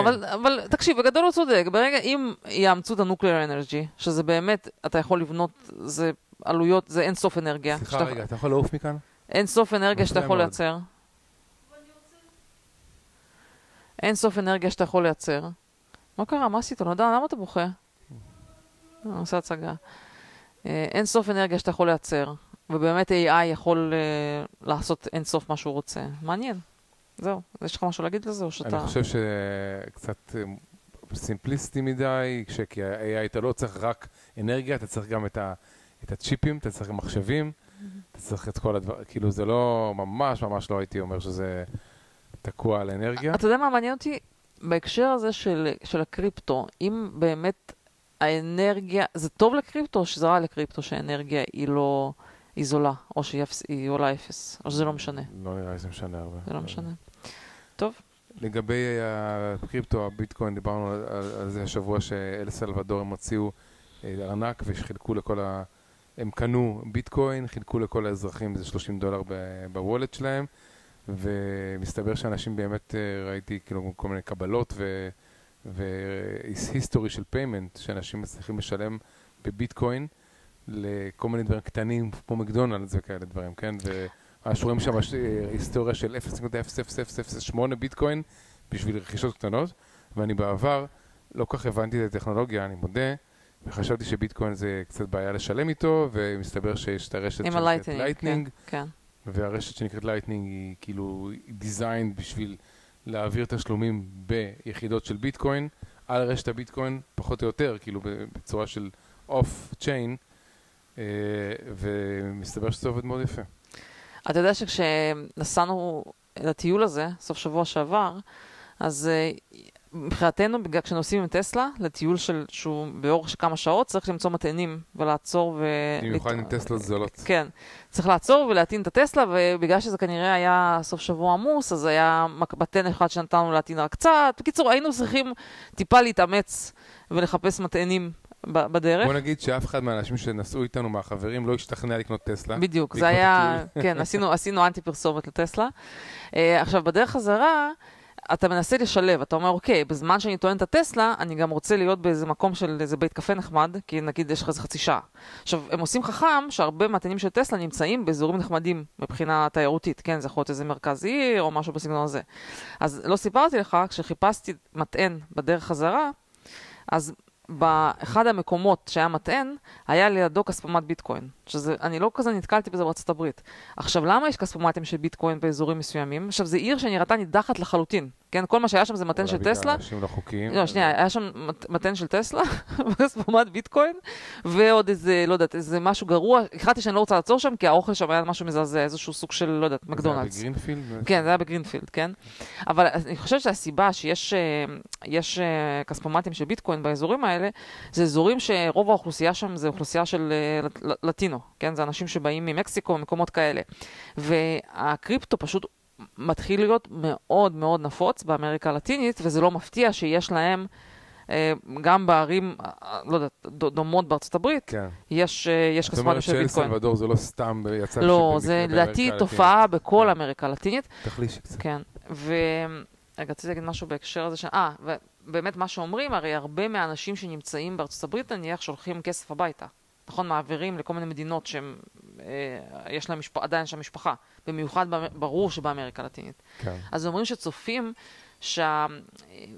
שהולכים, הרווחים של Western Union הולכים להיפגע משהו כמו 400 מיליון דולר, בגלל שאנשים, במקום להעביר כסף בכל מיני currencies ולשלם 10% עמלה לאיזה Western Union. כן, אז במקום זה הם הולכים פשוט, אה, לא להעביר בביטקוין או משהו בסגנון הזה, או להשתמש במשהו הם פשוט אה, מגיע להם, כי הם אה, לקחו עמלות לא מטורפות. איך יכול להיות שאתה רוצה להעביר אלף דולר ממדינה אחת למדינה אחרת, ו Western Union לוקחים לך 100 דולר על זה, זה לא הגיוני. כן, היה לי עכשיו סיפור שהייתי צריכה להעביר כסף לרוסיה, למשפחה שלי, ובסוף האופציה היחידה הנורמלית זה Western Union, כאילו זה משהו שיחסית עובד, ואתה יכול להיות בטוח שהכסף יגיע, אבל באמת יש עמלות, אה, לא, היה 100 דולר, זה היה 25 דולר. אבל מה עם PayPal באמת? אז PayPal היה לי סיפור גם, בסוף הצלחתי, אבל עצבן אותי שם שהם לא הסכימו להעביר מעל סכום מסוים, הייתי צריכה לפצל איזה שלוש payments, וכל פעם היה 4 דולר עמלה. בסדר, לא נורא, 4 דולר, אבל זה סתם עצבן אותי גם, זה היה מסובך. טוב. anyway, אז, אז זה קצת, uh, קצת על הביטקוין. Um, עוד דבר שרציתי קצת לדבר עליו, זה תופעה מעניינת שקשורה לקולג'ים. מה שהסתבר, שיש ירידה משמעותית בהרשמה לקולג'ים של, אה, של בנים. בעצם טוענים משהו של... אה, לא דיברנו על זה שבוע שעבר? לא. טוב. אה, לא, לא. אה, טוענים שנדמה לי כרגע היחס הוא משהו כמו 58 אחוז נשים ו-42 אחוז גברים, וטוענים שהצפי, שיהיה, לאן שזה הולך, הטרנד הוא כזה שזה הולך להיות שליש, שני שליש. זאת אומרת, דרמטית הולך להיות הרבה יותר נשים. ובאמת שאלו מה הסיבה שזה קורה, אוקיי? עכשיו, זה גם, אגב, הייתה שיחת uh, ראש השנה. נסענו, דיברנו על זה הרבה ברכב, דווקא עם הילדים. ניסיתי להבין קצת מה הם חושבים על זה. אז טענה, הטענה מספר אחת שהיא הגיונית, שאנשים היום הרבה יותר מסתכלים על ROI, return on investment, על השקעה בתואר, גם כספית וגם זמן, בסוף אתה מבזבז כאילו ארבע שנים על איזה תואר, ואתה שואל את עצמך מה זה בסוף ייתן לי. מעבר לחובות וכל מיני עלות הלימודים, אני, אני בסוף גם רוצה להרוויח על זה משכורת. ובעצם אומרים שיש היום כזה מחסור בהרבה מקצועות שמה שנקרא skill based, להגיד אינסטלטור, כבאי, שוטר, אני לא יודעת, אפילו אולי איש צבא, דברים בסגנון הזה, או מישהו שלא יודע, אתר, יודע לעשות באתר בנייה כל מיני דברים לבנות, ש... וזה בדרך כלל מקצועות שיותר גברים הולכים אליהם. שבעצם אנשים עושים את החישוב, מה אני צריכה עכשיו לבזבז ארבע שנים על איזה תואר שאין לי, בקושי יש בו עבודה, בקושי יש בו משכורת, שאני יכול עכשיו לעשות איזה אינסטלטור, לעשות small business וסופר להרוויח מזה. אה, אז זו תופעה מעניינת, ואגב, גם בזמנו טראמפ עשה את זה, ולדעתי כנראה ביידן כמובן, כמו כל דבר ביטל, הוא רצה לחייב כל אוניברסיטה לפרסם ליד התואר שהם מציעים, מה כאילו ה-ROI הצפוי על התואר הזה? מה בעצם הסיכוי שלך למצוא עבודה במקצוע הזה, ומה המשכורת הצפויה שלך בתחום הזה, שלדעתי זה מאוד מאוד חכם, כן? כן. אז אני לא יודעת, אתה רוצה להיכנס קצת ויכוח שלנו עם ילדים, שהם, כל הילדים מצפים שכאילו אה, זה, אה, לא יהיה הלוואות על הלימודים. טוב, לא יודעת אם זה כזה מה מעניין לדבר על זה. יש לי איזה מחשבה בעניין הזה גם, כן. שהאם באמת יש משמעות לזה ש-white males, כן?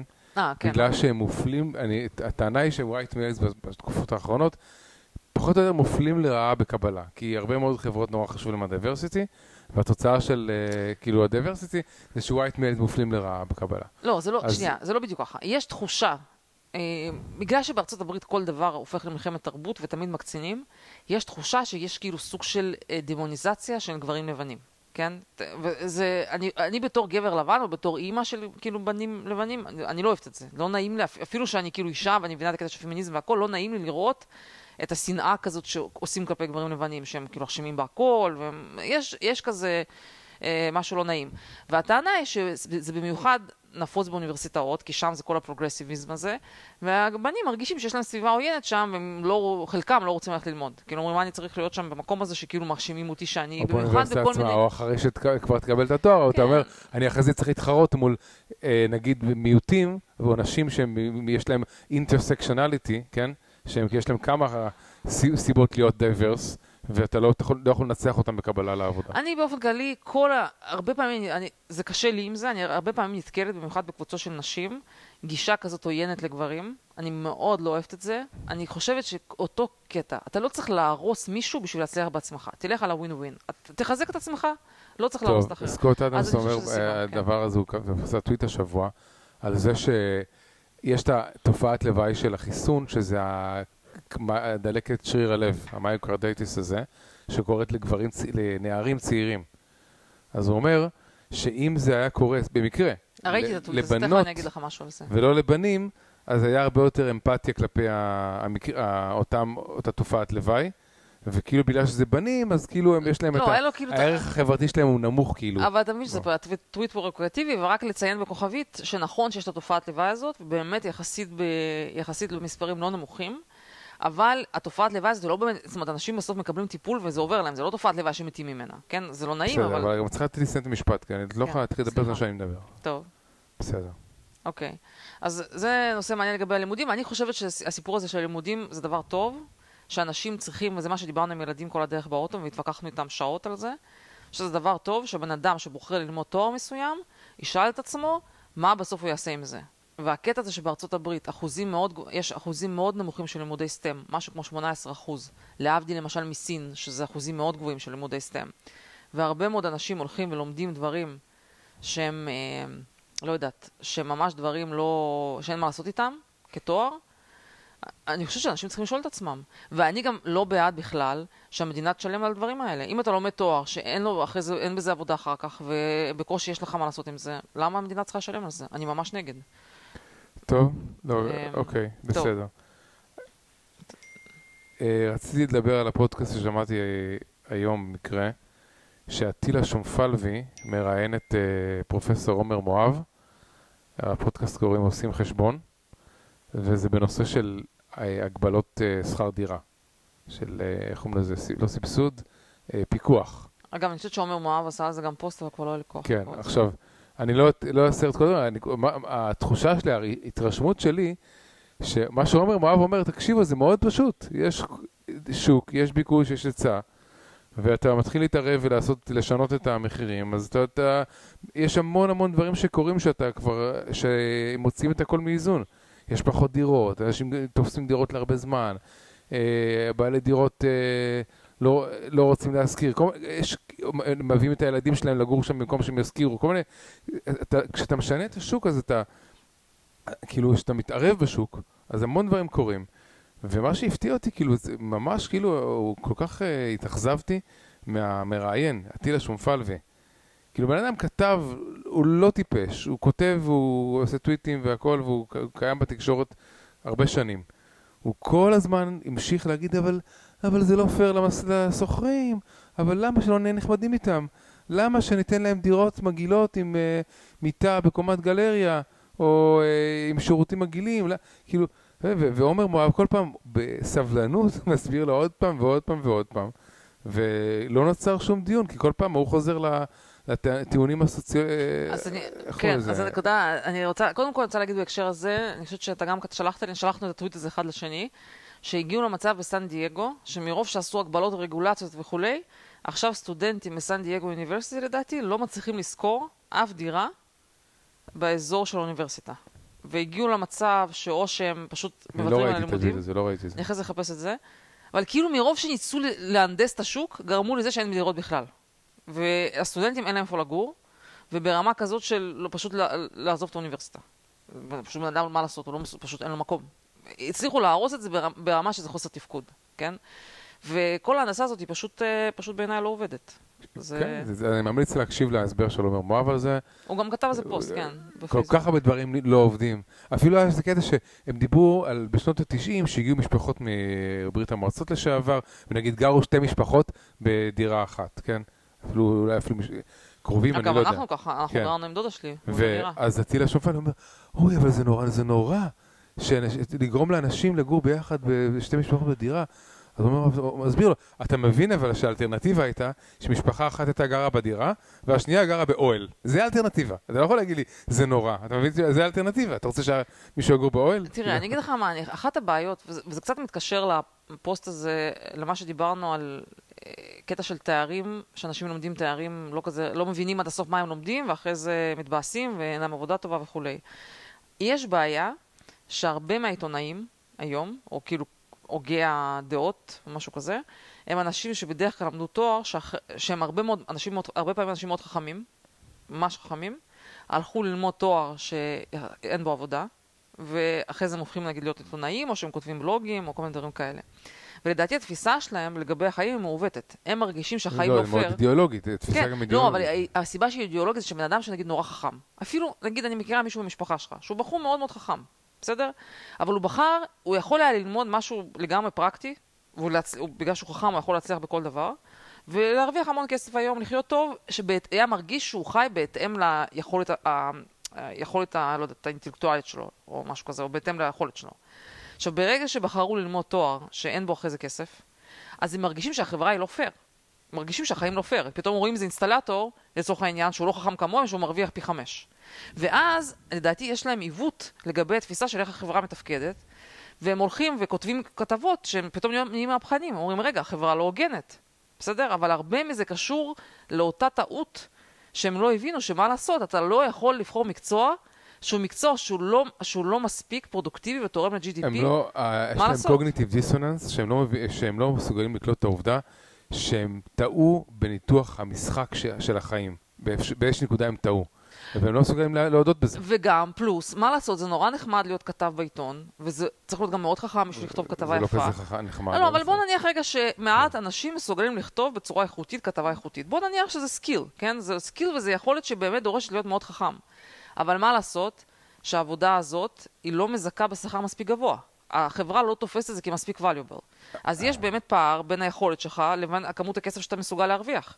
אבל זה לא אומר שהחברה היא לא פיירית. זה אומר שאולי זה תחביב נחמד להיות כתב, או לא יודע, תחביב נחמד לכתוב מאמרים, אבל זה פשוט לא משהו שבא, לא משהו שמאפשר לך להיות כאילו מספיק אה, עשיר, או לא. אגב, עומר מספיק- מואב עצמו, שנדמה לך שאולי הוא הגיע לטופ במקצוע שלו בחלק מהדברים, כן, כן. מפורסם, והוא כלכלן כן. והכל, הוא הסגיר בפודקאסט הזה שהוא שוכר דירה בתל אביב ב-6,800 שקל, Mm. כן? שאני בטוח שזה לא, אין לו מעלית חנייה וזה כן. כאילו, אבל, אבל נכון, אבל עכשיו, אגב, אני חושבת שהפתרון לזה היום, הרבה פעמים, למה היום אני הרבה פעמים מעדיפה לקרוא קונטנט שהם אנשים שהם VCs, אנשים שהם, יש להם סטארט-אפ, אנשים שהם, לא יודעת, כאילו עובדים, אה, שזה סוג של תחביב מבחינתם, לייצר תוכן.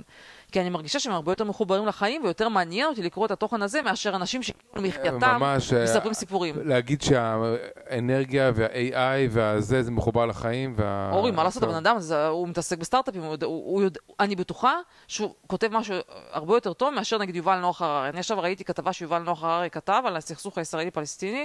אוקיי, הוא הוגה דעות, הוא הגה, הוא חושב שהוא הגה איזה דעה מעניינת, אבל אורי, מה לעשות, זה לגמרי תלוש. כן, זה היה הוא- מאוד מאכזב. הוא דומה לדן אריאלי, בזה שהוא הוגה משהו, ואז הוא אונס את אני- אני, המציאות אני לזה. חושבת שכאילו בסוף, בשורה התחתונה, צריך, כאילו, מה לעשות? אתה, אם אתה לא... את, בתור, למשל, סתם דוגמה, עיתונאי כלכלי, הייתי מצפה שתשקיע מלא דברים. בתור עיתונאי כלכלי אתה יכול להיות סופר עשיר. מה- למה שלא תשקיע השקעות בדברים? לא, זה כן? זה לא קשור, בסדר, לא משנה. טוב, אז בקיצור, הנקודה הזאת, אני מרגישה שמפה הרבה מהצהרות של החברה מגיעות לזה שמי שבסוף כאילו קובע דעות, יושב בניו יורק טיימס וכותב דעות שמשפיעות על governance, משפיעות על ממשלות, על מה צריך לעשות, הם טעו מראש שהם הלכו למ- למקצוע שהוא לא פרופורציונלי. אוקיי, אוקיי, אני רוצה לסכם. פה ולחזור. אוקיי, בסדר, אוקיי. אתה רוצה להגיד עוד משהו? אה, אני רוצה לדבר על תיאוריית הקורונה שלי. אוקיי. אה, כן, אני חושבת שכאילו, בגדול זה הנושא, אני מסתכלת קצת על מה עוד אספתי, שסופר שמעניין לדבר עליו, בעיקר היה לי מעניין לדבר קצת על המנדטים החדשים האלה של ג'ו ביידן, שיש על זה מלחמת תרבות עכשיו, על, על זה שהוא כאילו, מחי, כביכול מחייבים אנשים, אה, מחייבים חברות שיש בהן מעל 100 עובדים, להכריח את העובדים להתחסן. אז אה, יש לזה כאילו מלא ויכוחים, אז אפשר לדבר על זה כמה דקות. יש פואנטה או לא? לא הבנתי. אה, קודם כל פואנטה שזה זה כרגיל פייק ניוז.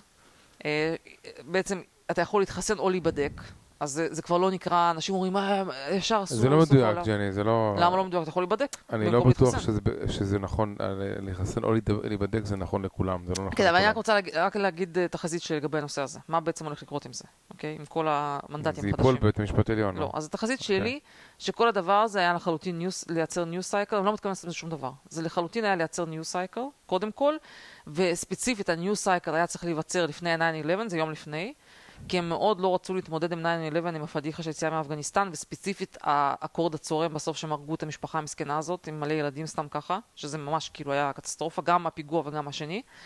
והניו סייקל הזה החזיק בערך יום. והמטרה השנייה של כל המהלך הזה, הייתה לייצר מלחמת תרבות, את המריבות האלה בין השמאל לימין, שהשמאל כאילו אומר לטובת החברה צריך אה, כן לעשות חיסונים, והימין אומר מה פתאום פרידום, פרידום, לא להכריח פרידום. זה נטו מלחמת תרבות. הם ימשיכו לריב על זה עכשיו חודשים לקראת בחירות האמצע, כי מה שקורה בבחירות האמצע, שאתה חייב להמריץ את המצביעים לאיזושהי מלחמת תרבות. אחרת אנשים לא יצאו, זה לא מעניין. אנשים, ב- אני כבר קראתי בארצות הברית, הם רוצים להילחם, מלחמות. ולביידן אין שום, שום הישג להציג, שום דבר, והוא רוצה עכשיו את המלחמת תרבות הזאת, של המריבות על החיסונים. זה כל המטרה, הם בפועל לא יקרה כלום, לא יעשו שום דבר עם זה. זו, זו התחזית שלי. טוב, ולכן אותי הנושא הזה תכלס לא מעניין, כי אני לא מעוניין להשתתף במלחמת התרבות הזאת. טוב, אני רוצה, לצור- לענייני פרוטוקול בעיקר, להסביר את התיאוריה הפשוטה שלי של נושא הווירוס הקורונה, וגם כדי שבסוף אני אגיד שצדקתי. עכשיו, אני inspired מ... אה, מ... בוא נגיד, אפשר לקרוא לזה ריצ'רד פיינמן, שכאילו המדען, שהוא בגדול, הצורת חשיבה שלו של איך להסביר תופעות, היא לבנות לעצמו איזושהי תיאוריה, במוח ולנסות לשפץ אותה תוך כדי שהוא נתקל בעוד, בעוד אה, נתונים. אבל לשמור אותה כמה שיותר פשוטה. זאת אומרת, להחזיק איזשהו, איזשהו מודל בראש ולשמור אותו פשוט ולראות שהוא לא, לבחון אותו עם, עם נתונים מהמציאות, אוקיי? וככה בעצם גיבשתי את התיאוריה שלי, ויכול להיות שאני לא המצאתי אותה, אולי מישהו אחר המציא לפניי ואני לא... זה. אני טוען שכל הנושא של הקורונה, עכשיו, מה, אני- מה אני מנסה להסביר? אני מנסה להסביר את הנושא של ה, למה מחוסנים נדבקים, למה חלק מתים, למה חלק לא, למה... למה, כאילו, החיסון למה עוזר, יש תחושה לא שהחיסון עוזר, פתאום, אה, פתאום למה? אה, היעילות ירדה וכל כן, הדברים כל? הדברים האלה. אוקיי. אני, הנקודה שלי, מרכז הטענה, הטענה המרכזית שלי בתיאוריה זה שיש המון המון המון משמעות לכמות של הווירוס בגוף ולעובדה, לקצב השתכפלות שלו. ופה אני אומר ככה, היה את וירוס הקורונה המקורי ויש את הדלתא. ההבדל הוא שהדלתא נתפס, הכדורים הקטנים האלה של הווירוס, עם הקוצים, נתפסים לתוך ה... לתאים של בני אדם יותר בקלות. כשהתאים האלה, בעצם הספייק האלה, הקוצים נתפסים יותר, יותר חזק, זה אומר שכשיש לך כמות זהה של וירוס, אז כמות הקוצים שייתפסו יותר גבוהה, ולכן כמות התאים, התאים בגוף של הקורבן אה, שנדפקת היא יותר גבוהה, וברגע שתאים נדפק, מתחילים להידפק, אז התאים האלה מתחילים לייצר, אה, לשכפל את הווירוס, לעזור בעצם לשכפל את הווירוס עצמו, ואז הוא משתכפל, משתכפל בתוך הגוף. ברגע שהווירוס מגיע לגוף ומתחיל להשתכפל שמה, אז קודם כל הקצב השתכפלות הוא קצב פחות או יותר אקספוננציאלי, כי הוא הרי מכפיל את עצמו, כן? ולכן כמות הווירוס המקורית שנחשפת אליו, שבדרך כלל זה וירוס מהאוויר ולא מ... לא ליקקת שום דבר, כן? זה בדרך כלל וירוס מהאוויר, אז כמות הווירוס המקורית שנכנסת אליו היא, היא מאוד מש, משפיעה על, על תוך כמה זמן ייקח לווירוס הזה להשתלט על מספיק תאים בגוף, כדי שזה יגרום לסימפטומים, ואחרי זה לדלקות וכל שאר הדברים החמורים. זאת אומרת, ברגע שנדבקת, אז קודם כל מאוד מאוד חשוב לכמה וירוס נדבקת, ולכן כאילו באיזה נקודה התחלת? כן, כמה... איך, איך התחלת כן. את התהליך הזה. ולמשל, אם אתה נמצא, אם אתה נדבק, ב, נגיד אתה עולה, ב, נכנס לחדר צפוף וסגור, שנשם בו חולה לך יש, קורונה. כן, לך יש את הדמיון המעלית הזה. אתה אומר הכי גרוע. נכנסת למעלית, כן. אתה צריך לנסוע עשר קומות אבל עכשיו? מעלית אבל להרבה קומות, כן. שיוצאות ויוצרת כן. ונפתחת, ו... לא משנה, או חדר צפוף שהיה בו מישהו שהיה חולה קורונה בשלב המדבק, מהמם. והוא נשם בחדר הזה במשך איזה כמה דקות, מילא את החדר בקורונה, אתה נכנסת, נשמת אתה כמה דקות, אז זה כאילו אחד התסריטים הגרועים, שבעצם נשמת הרבה מאוד אוויר שמישהו אחר נשף אליו הרבה מאוד קורונה, ופה גם, אגב, המסכות לא עוזרות, כי אתה נושף דרך חורים. של המסכה, זה האוויר, לא, זה לא, אמרו שזה לא מדויק, אמרו תלוי בסוג המסכה, אבל סוג המסכה לא. פשוט יש חתיכת בד, כאילו זה הכי המסכה. עוזרת אם אתה נגיד מדבר פנים אל פנים אל מישהו, כן. הסיכוי שהוא ידביק אותך, כאילו באינטראקציה, קצת יורד, כי חלק מה... חלק מה... אה, הטיפות לא עוברות, לא משנה. הכמות עכשיו. של הווירוס שאתה מקבל היא כמות יותר נמוכה. מה שהחיסון עושה, החיסון גורם לגוף אה, לזכור, לזיכרון, אוקיי, שני דברים, גם יש תאי זיכרון שזוכרים את, ה, את הווירוס, וגם יש את הנושא של אה, נוגדנים שכבר נוצרו, אוקיי?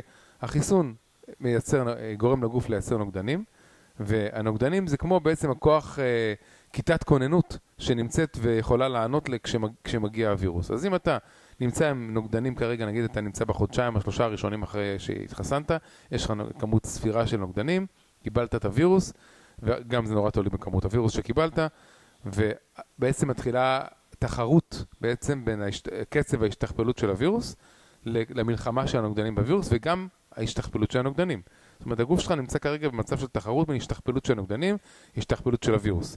ומצב טוב זה מצב שבו הנוגדנים משתכפלים מה- מהר ומצליחים להח- להשתלט על הווירוס לפני שהוא גורם לסימפטומים או לסימפטומים קשים, ומצב גרוע זה מצב שבו הווירוס הוא בכמות גדולה, גדולה יותר מהנוגדנים, הוא קיבל, יש לו יש פור יותר גדול על הנוגדנים, ולכן הוא גם יגיע למצב של סימפטומים, וכשיש איזושהי נקודה של איזשהו סף כזה שזה מגיע מעליו, ובסף הזה אתה, המחלה היא קשה יותר, כי נוצר כל כך הרבה נזק לרקמות ולדלקות ולא יודע מה, שזה כבר, כבר לא רלוונטי.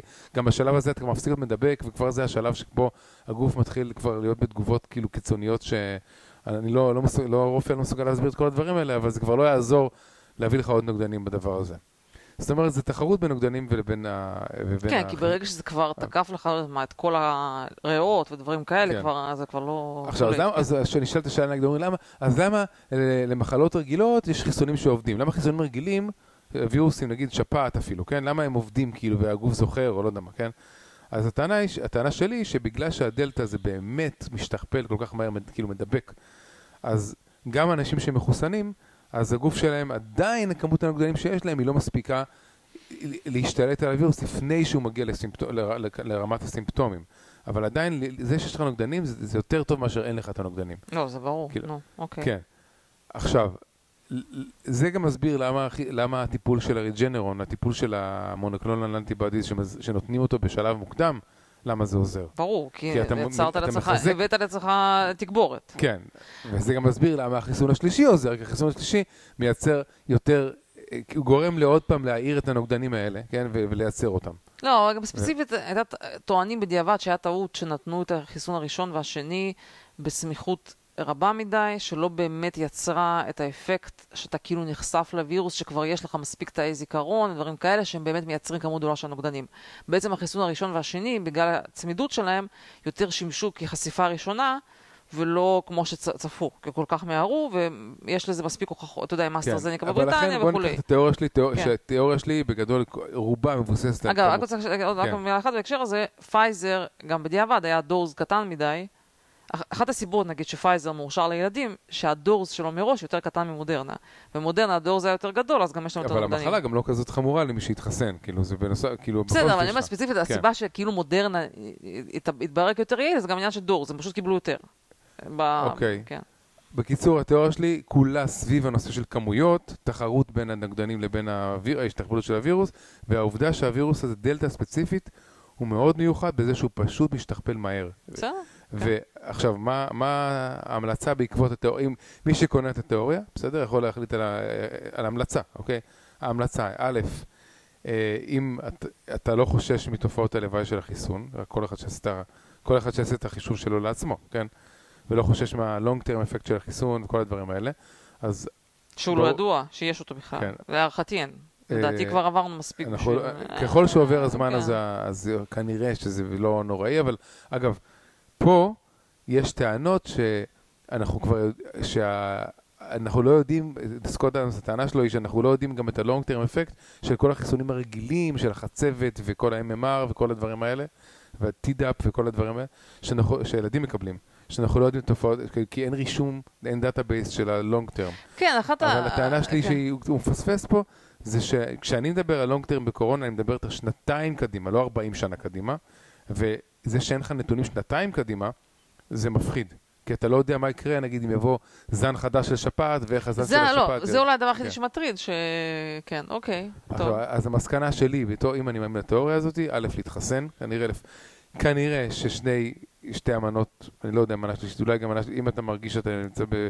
אני, אה. הסיבה שלדעתי צר- כנראה צריך את המנה השלישית, זה בעיקר בגלל שעשו טעות עם ה- שהראשון והשני היה צמוד מדי. יכול זה להיות. הטעות וזה האידיוטיזם שלפחות עם הזמן, ככל שעבר הזמן, הם לא לא ריווחו את זה יותר. והדבר השני, אם מישהו נדבק ומתחיל סימפטומים, אז לדעתי, כמה שיותר לנסות להשיג את ה Regeneron הזה. כמה שיותר, לך, לך לבית כן. אז אני חולים. רוצה להגיד מילה על ה Regeneron, שיש כן. לו, יש לי מאזין ששלח לי, שוב, זה אותו מאזין שבהתחלה חשב שאני, ש- עם הסקופ סקופ שלנו מלפני כמה שבועות, שאני כאילו קצת מחרטטת, או סוג של פייק ניוז, ואז באמת התברר שצדקתי.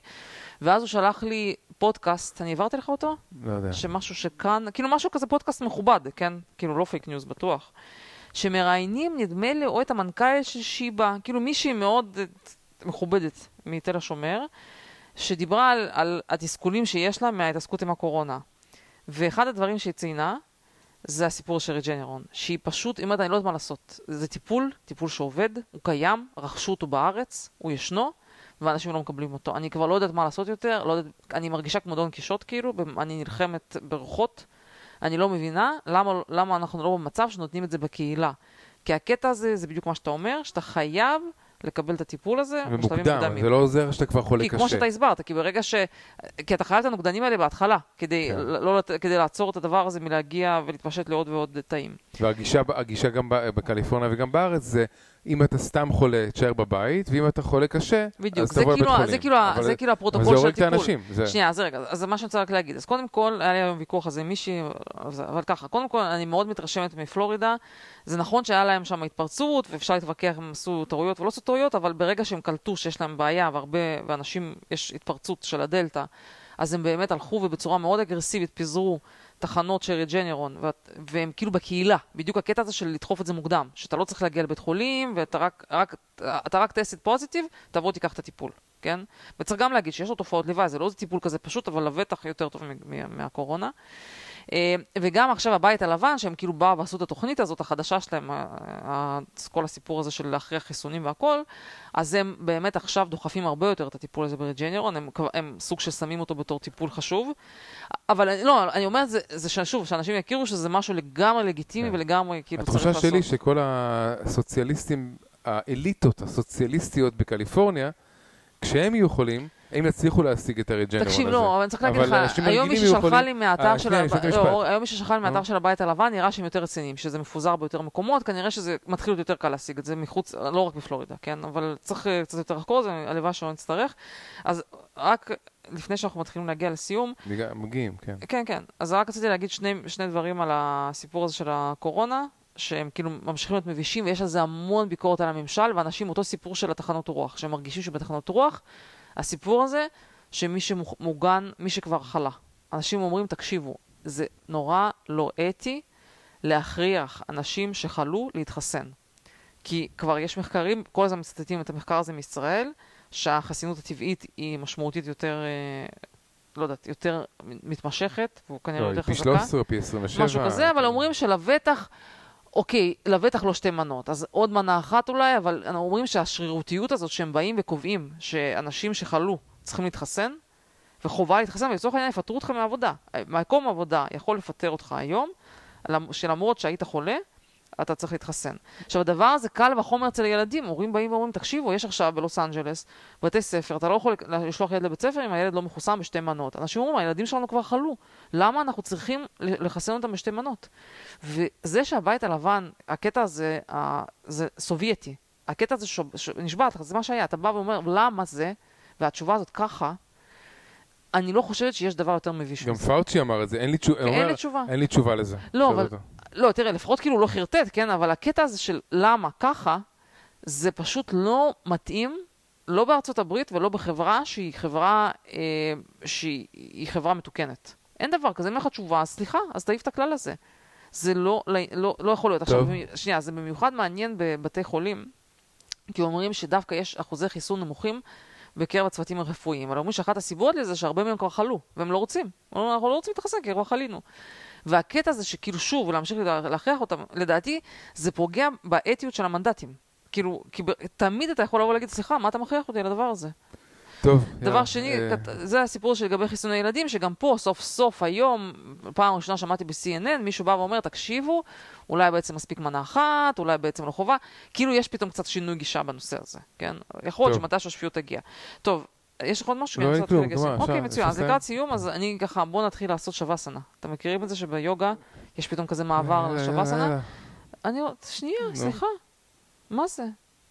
מה, מה קרה? נו, אז... כי אנחנו אז- שעה ומשהו. אנחנו כולנו נתחיל. להירגע, להוריד הילוך כן. ולקחת נשימה, ולא יודעת, קצת מחשבות פילוסופיות לשנה חדשה, אוקיי? אז מה אני, מה אני הייתי רוצה לקוות, במה יהיה שיפור של המצב, ודיברנו על זה גם עם, הבח... עם האלה שעשינו את המליכה בסן פרנסיסקו, שהם כבר הרבה שנים פה בארצות הברית? כן? זה כאילו החשש הזה מההשתלטות של ה-wokeness, ושזה מתחיל להרגיש, אה, והפתיע אותי מאוד שהבן שלנו, שהוא, שכאילו יש תחושה מאוד פסימית לגבי העתיד של ארצות הברית, ש... וגם נגיד שהייתי בסן פרנסיסקו, יצאתי בתחושה פסימית, שמשתלט הטירוף הזה של למה ככה, וש... וככה אנחנו אמרנו, ולא לשאול שאלות, ולא לא לעלות... ו... צנזורה?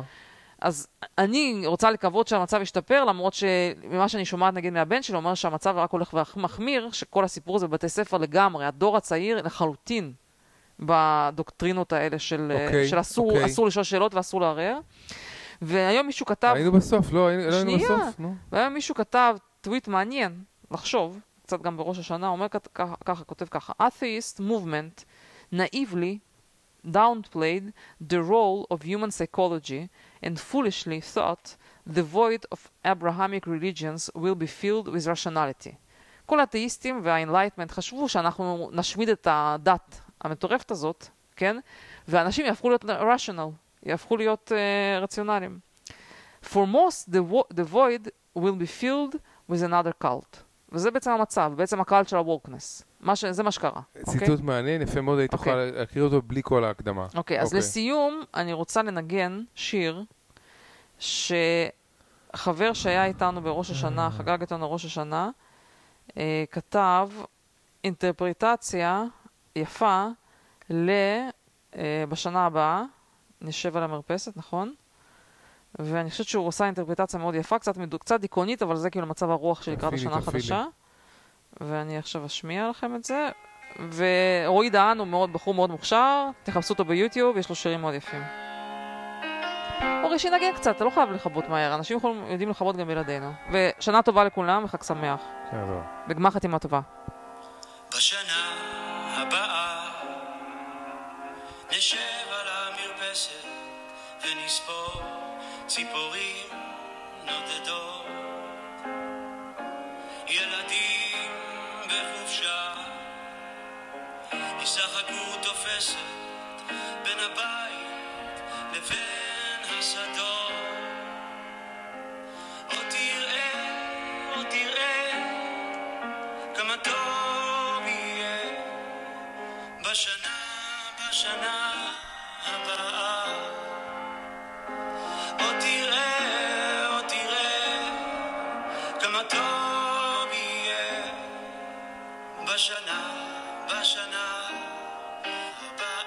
אוהבים אותך, רואים אתה מקשיב, חג שמח לכולם. טוב, טוב, אמרת אותי. יאללה, ביי, חג שמח.